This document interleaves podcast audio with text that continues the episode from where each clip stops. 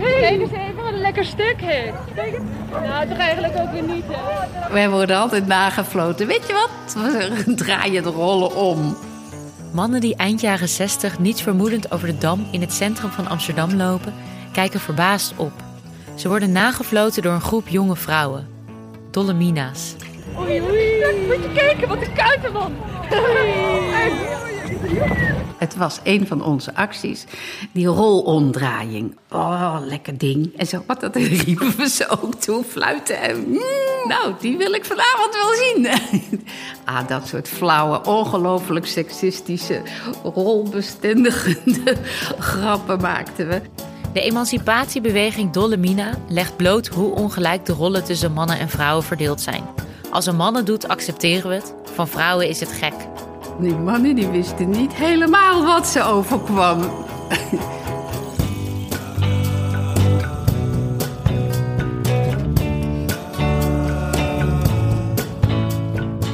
Ik ben Yukiko en dit is de podcast van het Stedelijk Museum over Amsterdam Magisch Centrum.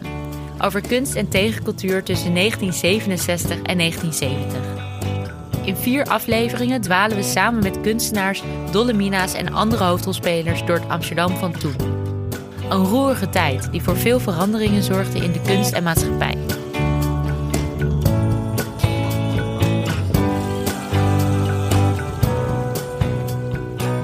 Dit is aflevering 2 over het revolutiejaar 1968.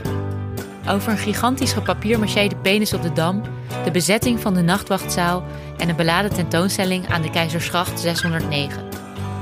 In deze aflevering hoor je onder andere Doenja Verwij, Roel Jansen, Tjebbe van Tijen, Pieter Boersma en Iris de Leeuw. En we dachten echt dat we de wereld konden veranderen hoor. Amsterdam had een enorme aantrekkingskracht op jongeren. Het werd eh, het magisch centrum genoemd.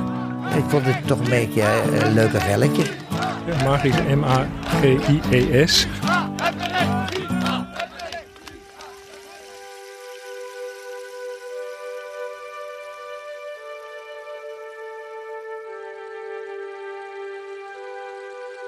In 1968 is het onrustig op verschillende plekken in de wereld.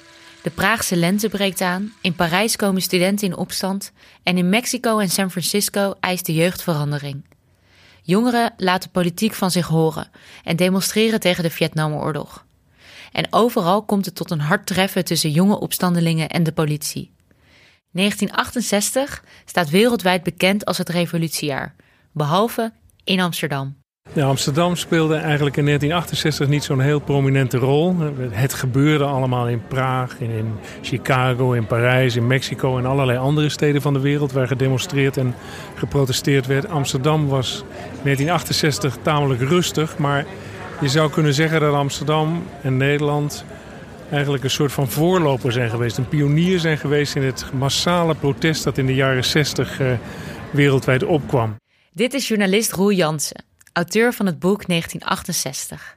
Je hoorde hem al in de vorige aflevering toen hij vertelde over Paradiso. We spreken hem op het Spui, waar het in 1964 allemaal begint. Toen hier bij het Lievertje, een standbeeld op het Spui in Amsterdam. Een standbeeld wat trouwens is aangeboden door de tabaksindustrie, door een sigarettenfabrikant Hunter. Werden hier in 1964 de eerste zogenoemde anti-rookdemonstraties gehouden door Robert Jasper Grootveld en voormalige loodgieter of schilder of glazenwasser was hij geloof ik. En ehm, ja, die hield hier dansjes om dat standbeeld van, de, van het lievertje, het Amsterdamse lievertje. En dan riep hij, ehm, dan hoestte hij ugge, ugge, ugge, ugge, ugge, ugge, alsof hij te veel gerookt had. En dat was dus tegen het roken van de sigaretten en heel erg voor het roken van hash of marihuana of wat je maar wil. En dat, waren, ja, dat werden happenings genoemd. Dat waren eigenlijk de eerste happenings die plaatsvonden. En uh, dat trok enorm veel belangstelling natuurlijk. Na een tijdje kwamen daar mensen op af gingen meedoen en die gingen meedansen met die grootveld. En uh, ja, dat werden dus uh, wekelijks terugkerende kleine demonstraties zou je kunnen zeggen. Omstanders die stonden denk ik vooral te kijken. Uh, nieuwsgierigen ook. Hè. Mensen waren ook wel nieuwsgierig. Wat is dat voor rare kerel die daar uitgedost als een soort van ja, wat zou ik zeggen, een soort van paljas of circusartiest. Uh, ugge, ugge, ugge staat te roepen en een beetje rook staat te blazen en zo. En van een soort, alsof het een soort van indianendans was, uh, die hij om de totempaal deed. En dat deed hij dan om dat uh, standbeeld van het lievertje. Uh, mensen riepen dan hi-ha happening, hi-ha happening, hi-ha happening. De acties van Provo zijn ludiek. Zo deelt Koosje Koster krenten uit onder mensen op het spui. Dat is haar manier om zich af te zetten tegen de krenterigheid van die tijd. Dat klinkt onschuldig, maar daar denkt de politie anders over. Die, die, die happenings, dat was toch een soort van verstoring van de openbare orde. Dus de politie trad op en die verjoeg de mensen hier. En nou ja, van het een komt het ander. Want als de politie zich ermee gaat bemoeien, komen er ook weer meer mensen op af. Dus het leidde, tot, eh, het leidde al gauw tot, tot rellen en zo. En dat zette zich um, in 1964, 1965, 1966 zette zich dat eigenlijk door. Dus Amsterdam werd, was een ongelooflijk roerige tijd. Er was ook heel veel demonstraties.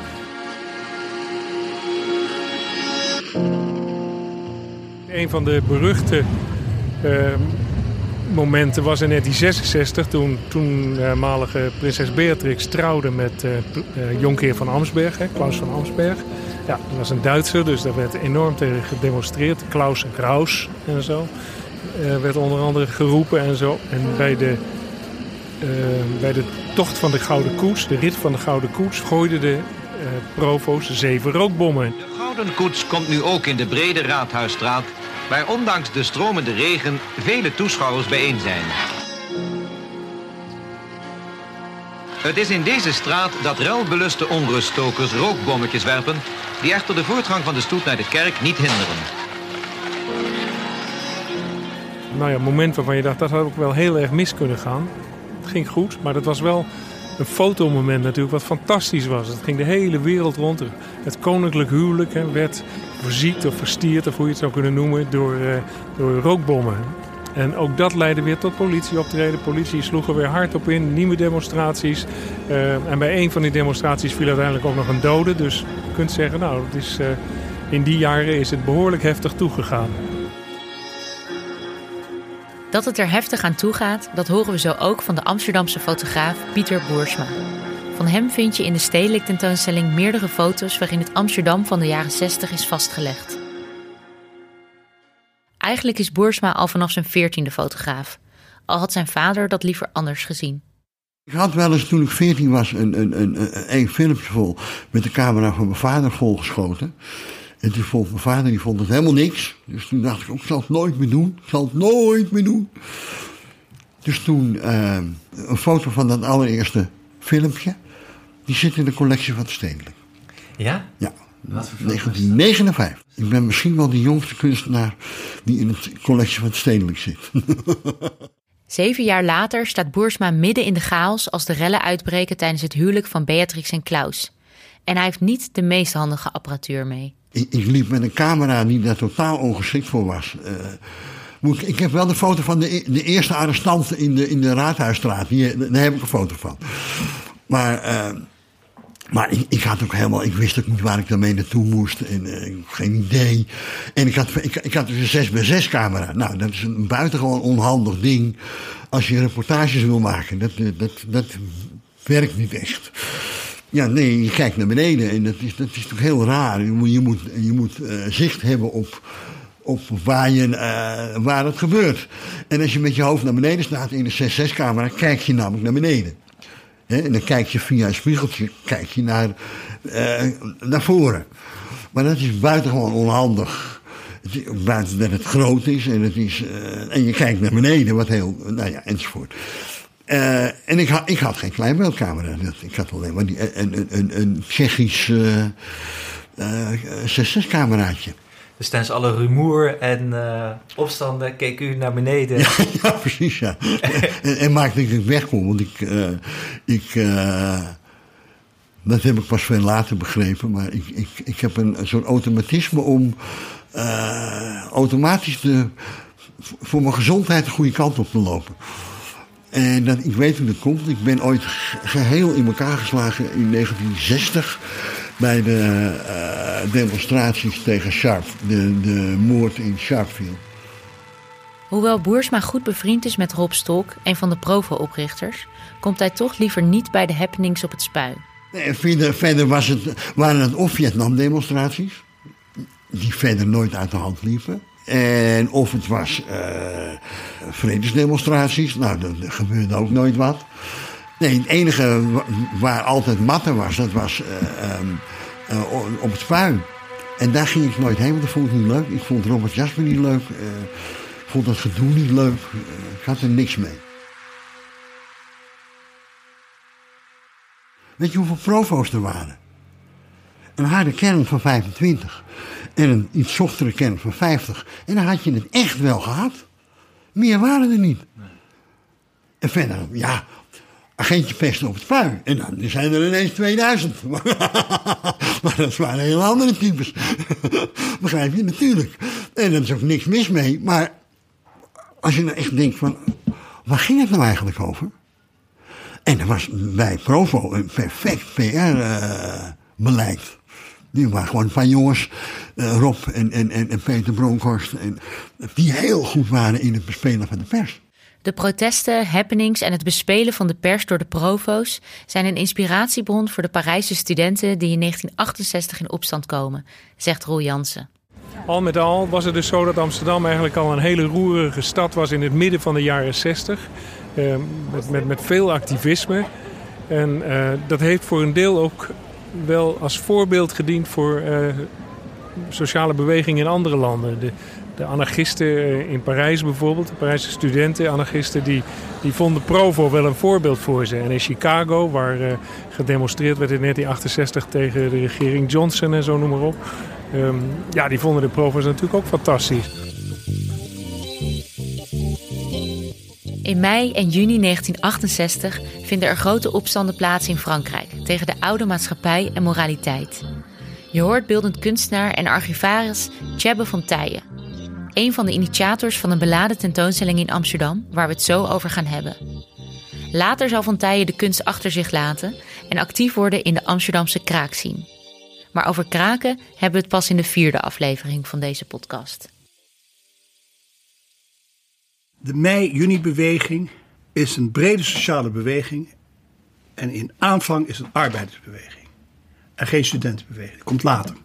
Begint met wilde stakingen in Frankrijk of verschillende plaatsen. Nantes, Utrecht, Besançon en dergelijke. Buiten Parijs, ook niet in Parijs.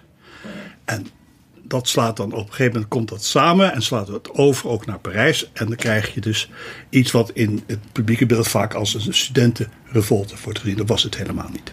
Bredere revolte. Bijzonder kenmerk had hij omdat er een, eh, een, een dubbele laag was. Namelijk van flower power, eh, vrij en vrolijk. eh, en, eh, en doctrinaire politiek. En in dat klimaat, de, de verbeelding aan de macht, hè, dat, dat was kenmerken niet alleen voor Frankrijk, maar voor, voor die hele periode. De protesten in Parijs trekken ook jongeren uit Amsterdam die daar een kijkje gaan nemen. Waaronder Roel Jansen.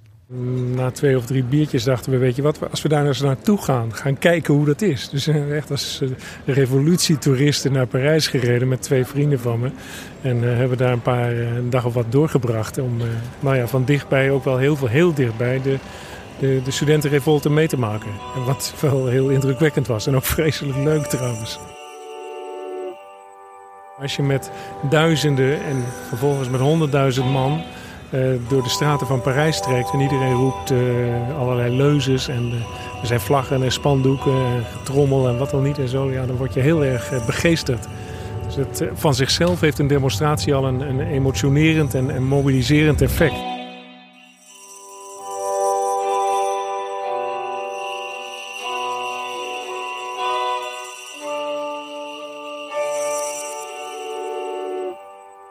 Aan de Keizersgracht 609, waar nu Fotografiemuseum Foam is gevestigd, zit tussen 1863 en 1993 Museum Fodor.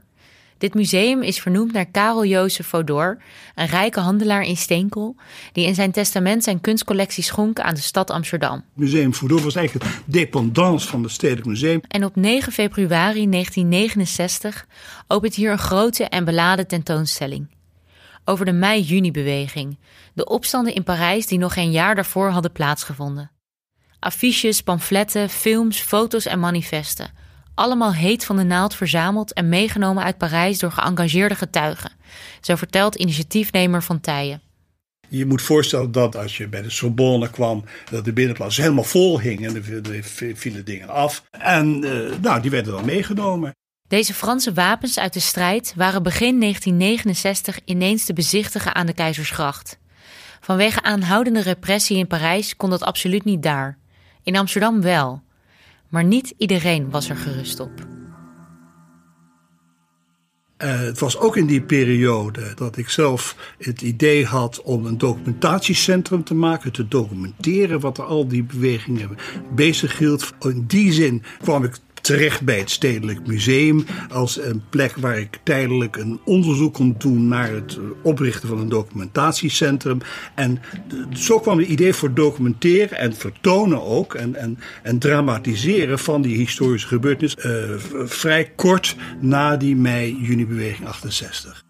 Waarom Fodor? Omdat in die zomer daarvoor hadden een aantal conferenties plaatsgevonden. Die gingen over eh, het noodzaak voor het veranderen van kunstpolitiek. Waarbij kunst niet langer in de tempels zou zijn, maar ook op straat zou zijn. Waar recreatie en kunst eigenlijk een één vloeiende in elkaar overlopende lijn zou worden. Nou, en die Fodor-conferenties uh, en het museum had een iets aparte status. En nou, het idee sloeg wel aan bij verschillende partijen. Ja, het doel van de tentoonstelling was het overdragen eh, van de materiaal van die beweging zelf direct aan het publiek hier. Zonder het filter van de burgerlijke media. Dat was eigenlijk het belangrijkste ding. De directeur van het Stedelijk Museum en dus ook van Dependance Fodor is dan Edi de Wilde. Mooie Eddie riep, werd hij genoemd. De Wilde wordt in 1963 aangesteld als directeur van het Stedelijk. Volgens Tjebbe van Tijen moet hij slaaploze nachten hebben gehad van deze tentoonstelling. Ja, nou goed, de Wilde die uh, moest dan toestemming verlenen. Zei, nou mag, kan dat niet in de Fodor. Toen hadden wij een werkgroep gevormd. De streefdatum was september 68. Oh. Nou, dat is wilde. Nee, dan we nou liever niet. Eh, omdat ze dachten, ja, dan wordt er, wordt er iets bezet en vanuit er komen wilde bewegingen. En dan worden er vragen gesteld in de, in de gemeenteraad en in de Kamer. Of, of, of het wel de taak van het museum is om dat te doen. Uiteindelijk is wat hij wou zorgen dat die beweging eerst maar eens even op zijn gat lag.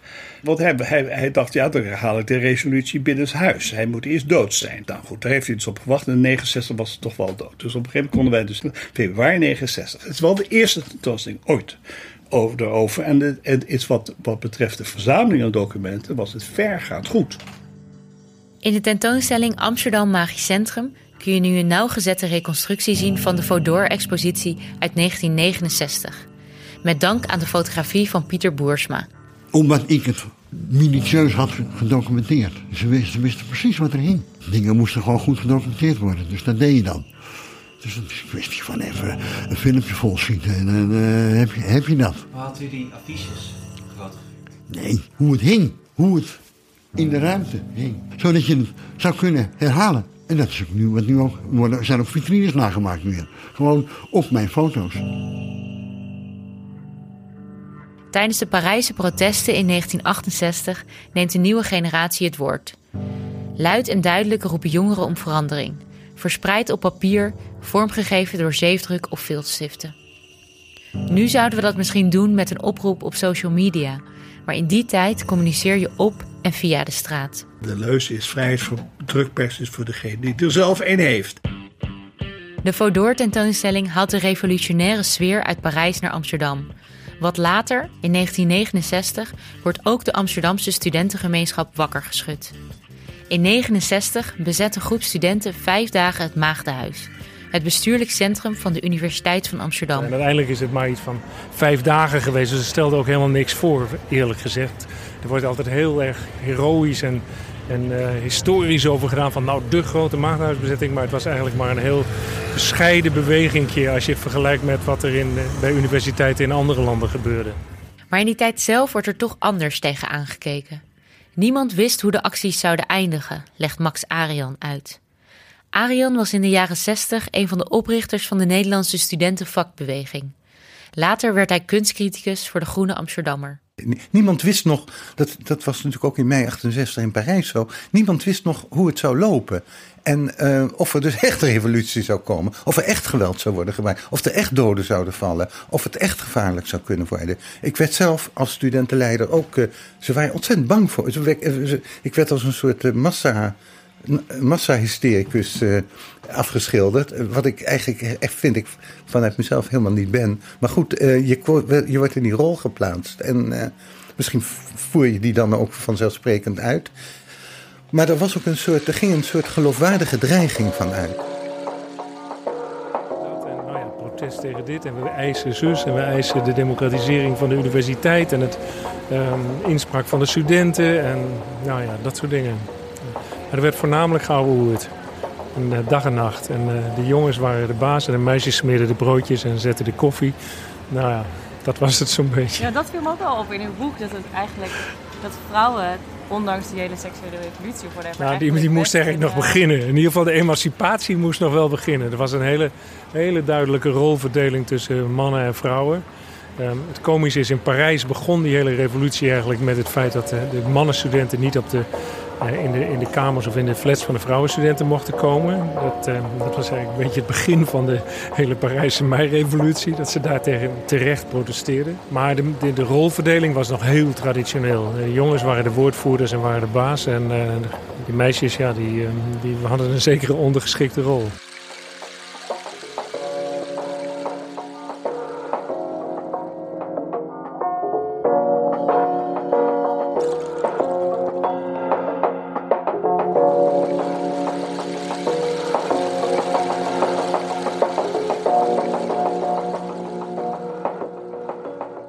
Hoewel het lijkt alsof er veel verandert in de jaren 60, zijn de verhoudingen tussen mannen en vrouwen nog verre van modern.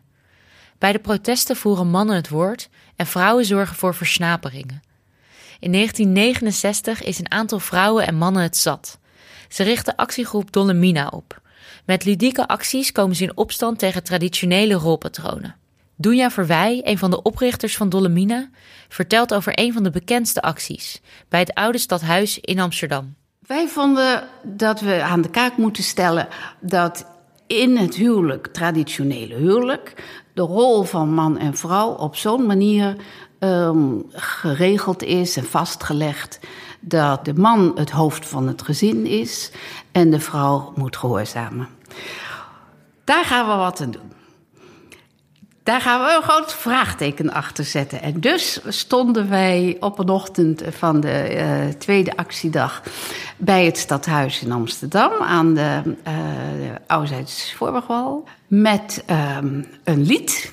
Er kwam een bruidspaar aan, de deuren gingen open en wij haalden de uh, wijze woorden van Vondel aan.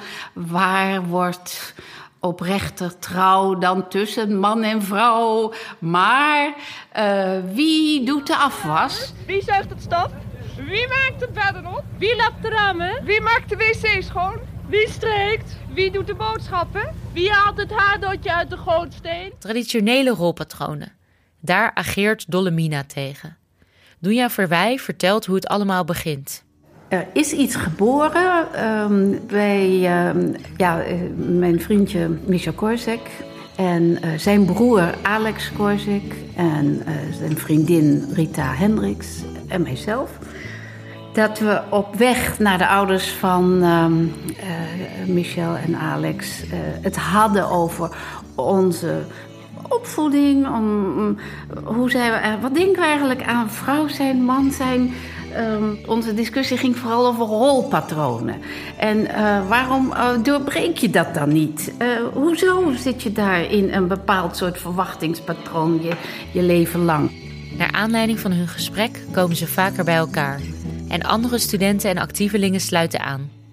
Tegen december 1969 hadden we eigenlijk een, klein groepje gelijkgestemden die zei we moeten eigenlijk ons laten horen. Maar hoe gaan we dat doen? Hoe gaan we ons kenbaar maken? Ondertussen zijn we ons natuurlijk gaan verdiepen in de geschiedenis uh, van de vrouwenbeweging in Nederland. En kwamen we Alette Jacobs, uiteraard hele uh, fantastische vrouw die dit hele issue van um, ja, gezondheidszorg ook voor vrouwen en meisjes toegankelijker maken. En Wilhelmina Drukker, die uh, ook een vrouw was in die vrouwenkiesrechtbeweging. En, en echt een sterke, uh, maatschappijkritische, socialistisch ingestelde uh, vrouw. Die ehm, wel genoemd werd om haar onwrikbare standpunten. IJzeren Mina. Mina, kijk. En je had nog meer. Um, we dachten aan Dulle Griet. Figuur Dulle Griet, is een soort van heldin. In elk geval, we, we kwamen al pratende en, en al zoekende. Uh, Dolomina. Hé, hey, Dolomina. Zo heb ik herinnerd dat de naam geboren is. Dolomina.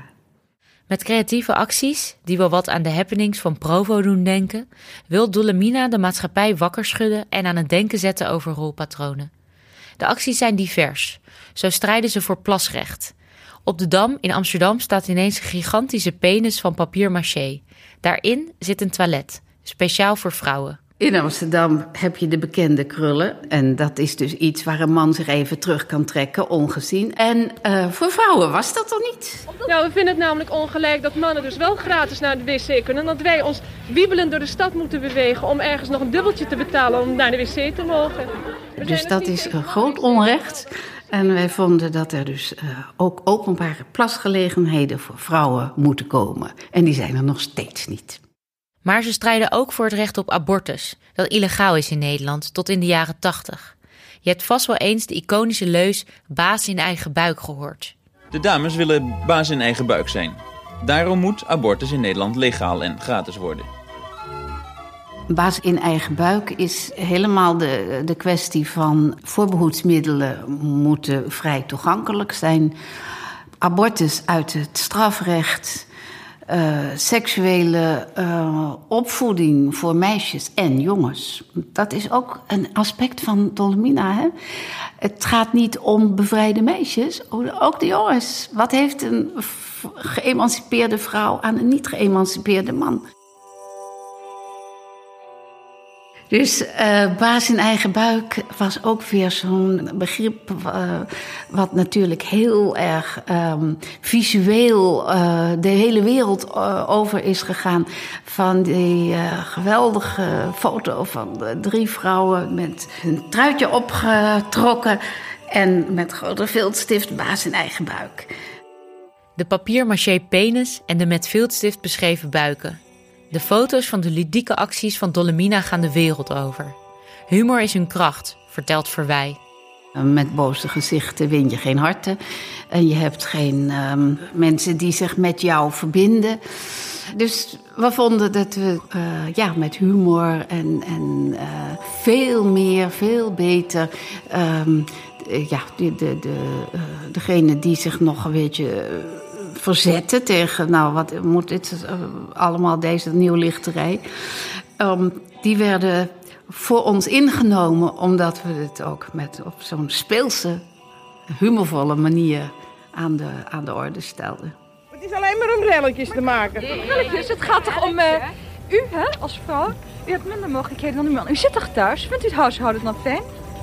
Nou, niet zo leuk, maar ja... en daar zijn we nog tegen, dat het voor u gedaan worden. En, en er moet er gekookt worden. Maar uw man kan toch ook helpen? U kunt het toch samen doen? Maar waarom zou u ah, alleen nee, dat is doen? flauwekul. Nee, die, laat die mij nou ook maar in zijn waarde. Moet hij moet zo met de schort voor uh, de, de, de, de, trap gaan doen?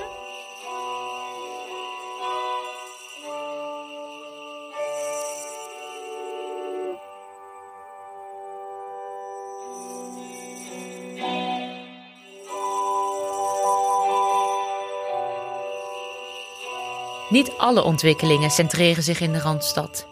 In Limburg schopt een groep kunstenaars tegen heilige huisjes.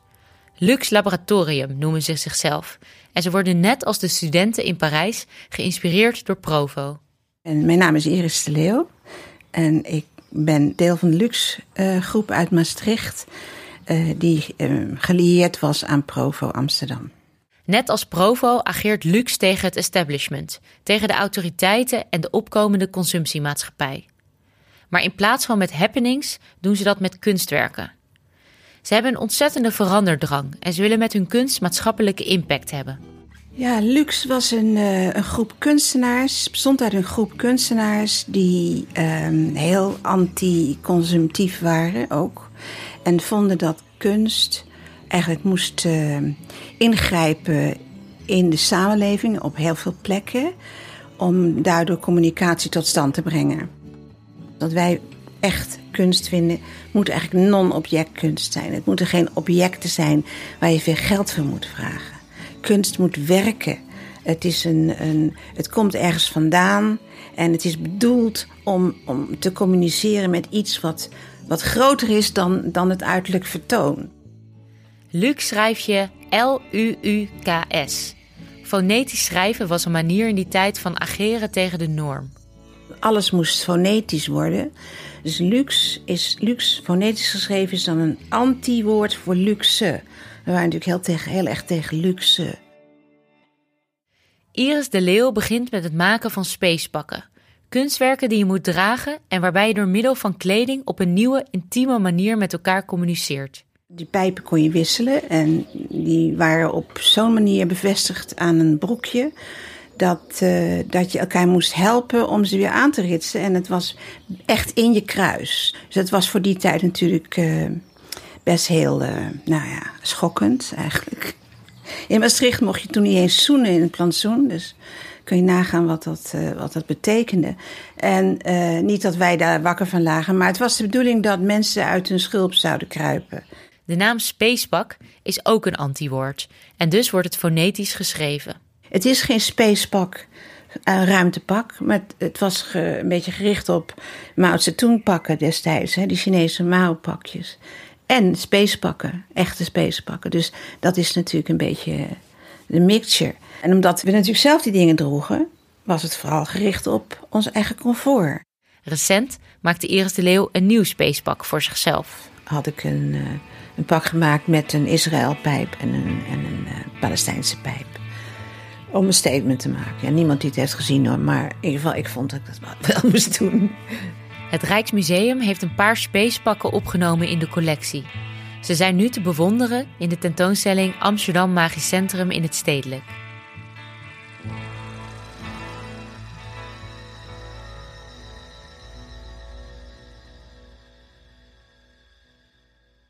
Terug naar de late jaren 60, naar het Amsterdam Magisch Centrum, waar ondertussen ook steeds meer kunstenaars zich roeren en eisen stellen aan musea en overheid.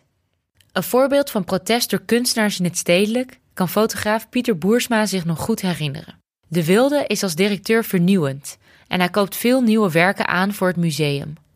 Maar wat de kunstenaars in Amsterdam betreft, is zijn blik te veel op Amerika gericht. Zo organiseert De Wilde een fotografietentoonstelling met beelden van protesten op de studentencampus ja, van Burger. Het is heel grappig dat er een protest was tijdens een fototentoonstelling notabene.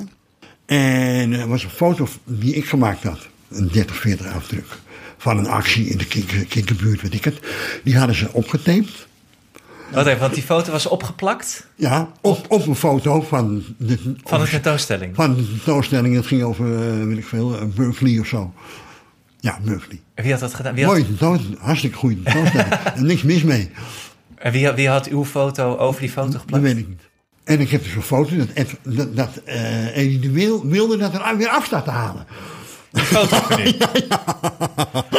Begrijp je dus? In 1969 moet Edi de Wilde weer in actie komen, als een groep kunstenaars het Stedelijk Museum probeert te bezetten. De beroepsvereniging van beeldende kunstenaars heeft vandaag vergeefs geprobeerd Amsterdamse musea te bezetten, of zoals zij dat noemt, te bevrijden.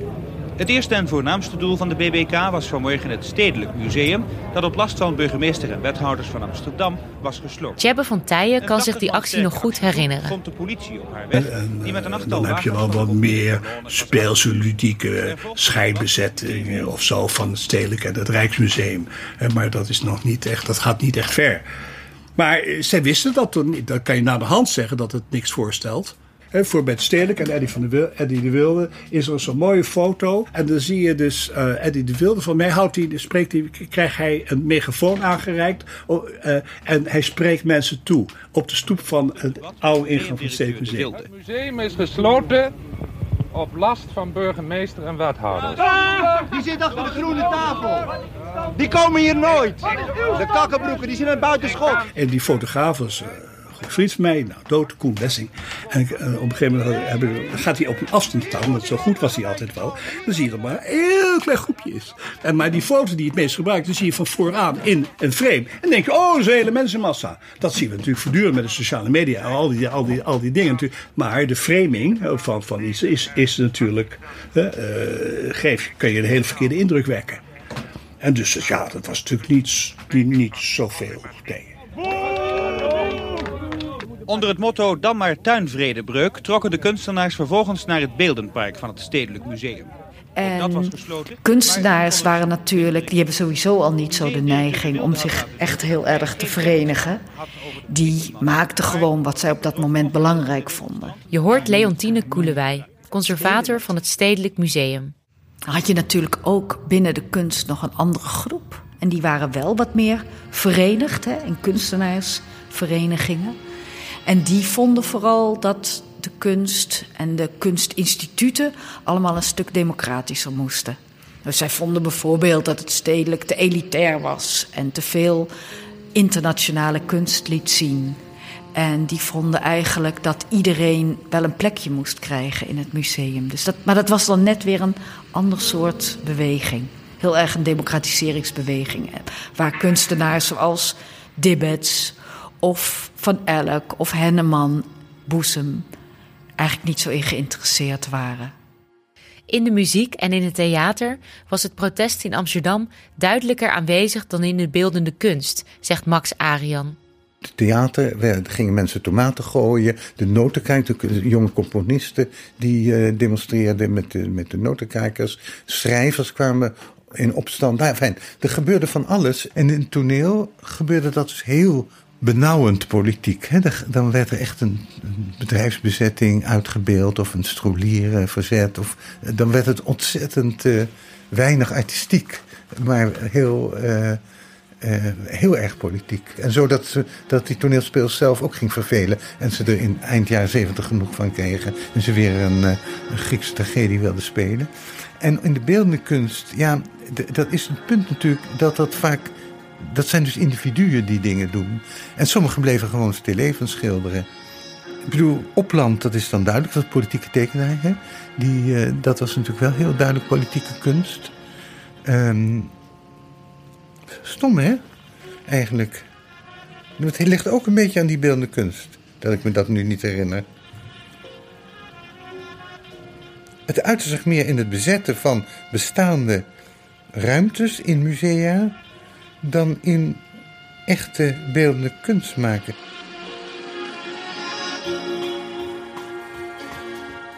Dit zegt beeldend kunstenaar Jeroen Henneman, die je ook in aflevering 1 hoorde. Wij waren veel nieuwer. Nou, de muziek was een protest. Wij waren geen protest. Dat hele uh, fluiten en tomaten, actietomaten en zo, dat was protest. Wij waren geen protest. Wij waren gewoon niet te stoppen in onze werklust. Gewoon zien, elke dag zien. Omdat het ook gewaardeerd werd. We hadden het eerder over een gefaalde poging van de BBK, de beroepsvereniging Beeldende Kunstenaars die het Stedelijk Museum wilde bezetten. Op 11 juni 1969 lukt een soortgelijke actie wel. Vlakbij, op het Museumplein, onder toeziend oog van de compagnie van kapitein Frans Banning-Kok en luitenant Willem van Ruitenburg. Je had de bezetting van de nachtwachtzaal in het, van het Rijksmuseum was zelfs een kunstenaar zoals Donald Judd, een hele bekende Amerikaanse kunstenaar, die echt opriep voor die bezetting. Dus, Wat was het doel van die bezetting? Ja, in, in heel algemeen is meer democratisering in de kunst en in de, uh, ja, in de sociale posities van kunstenaars uh, verbeteren.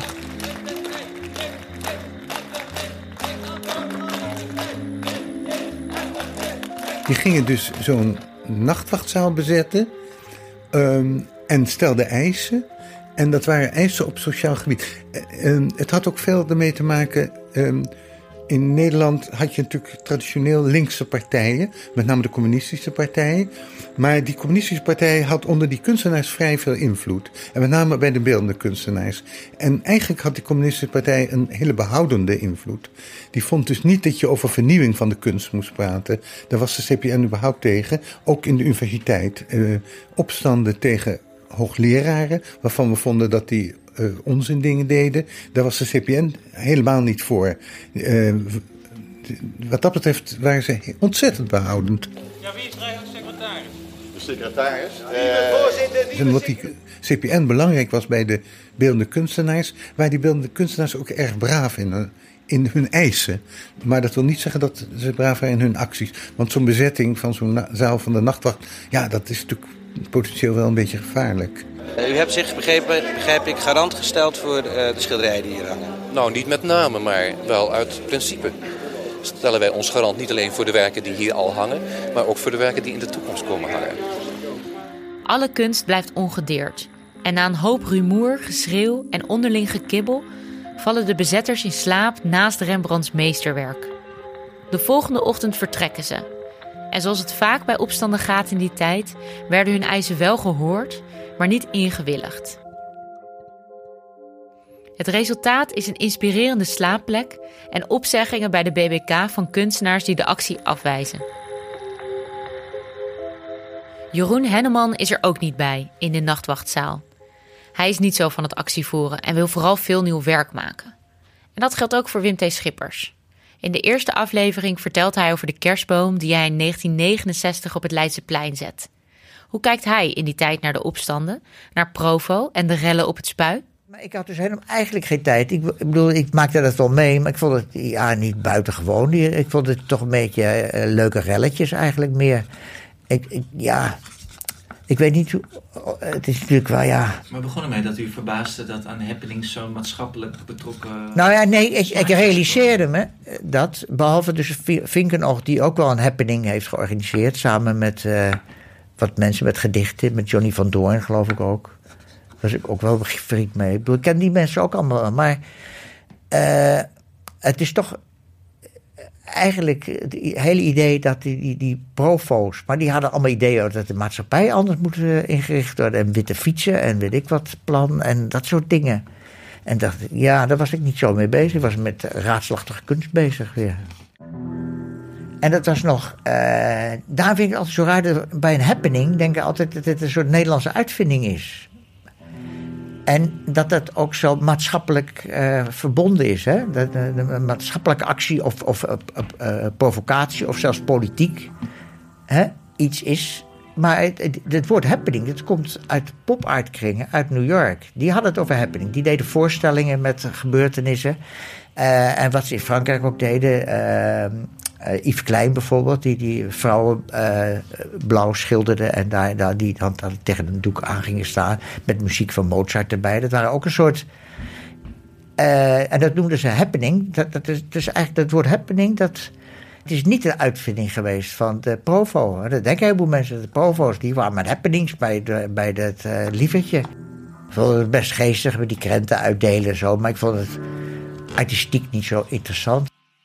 Nee, maar het uiteindelijk publiek, die, ook met die moderne kunst, die gooide het op een hoop. En ze maakten wel gebruik van die feit om het een happening te noemen, dat het toch iets meer was dan, ja, dan wat, ja. Het waren zijn gewoon termen uit de, uit de kunstwereld.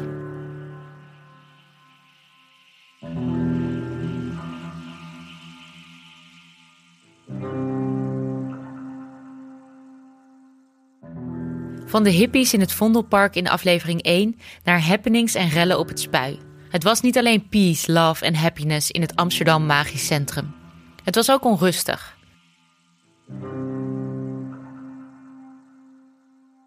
Een tentoonstelling haalde de Parijsrevolutie naar Amsterdam. In het theater werd met tomaten gegooid. Dolomina's eisten gelijke rechten en behandeling. En een groep kunstenaars wil inspraak en betere voorzieningen. Maar lang niet iedereen was hiermee bezig. En lang niet alle acties en bezettingen waren succesvol. Verre van zelfs. Abortus wordt pas in de jaren 80 gelegaliseerd. Er worden nog altijd oorlogen gevoerd. En helaas, we lopen anno nu niet allemaal in spacepakken. Maar er stond in die tijd wel een nieuwe generatie op, die zonder schroom het woord neemt en de traditionele verstandhoudingen in de maatschappij uitdaagt. Zo ook in de kunsten. Kunstenaars bemoeien zich met het kunst- en museumbeleid of maken werken met commentaar op de maatschappij. Of ze dat nu expres doen of niet. Nou ja, het is, het per definitie ben je betrokken bij de maatschappij. Het is zo raar om dat zo scherp in te delen. Ik ben, altijd maatschappelijk bezig, toch? Als je dood bent gaan, dan, nou zelfs dan nog ben je, je, je, je komt er niet onderuit. Dit was de tweede van vier afleveringen van de podcast Amsterdam Magisch Centrum van het Stedelijk Museum. Abonneer je op deze podcast in iTunes om geen enkele aflevering te missen. De tentoonstelling Amsterdam Magisch Centrum loopt tot en met 6 januari 2019. Voor meer info en tickets ga je naar www.stedelijk.nl. Deze podcast is geproduceerd door Anne Janssens en Misha Melita van Dag en Nacht Media. Veel dank aan alle kunstenaars die ons ruimhartig te woord stonden. Dank ook aan Lieke Malkorps, Tjitske Musche, Saskia Dubois, Frederike van Dorst en Leontine Koelewij. De muziek in deze podcast is speciaal hiervoor ontworpen door Audiostudio Cloak. Dank Adriaan en Daniel. Mijn naam is Yukiko. Tot de volgende aflevering. Dan ontmoeten we elkaar op het Museumplein in Amsterdam.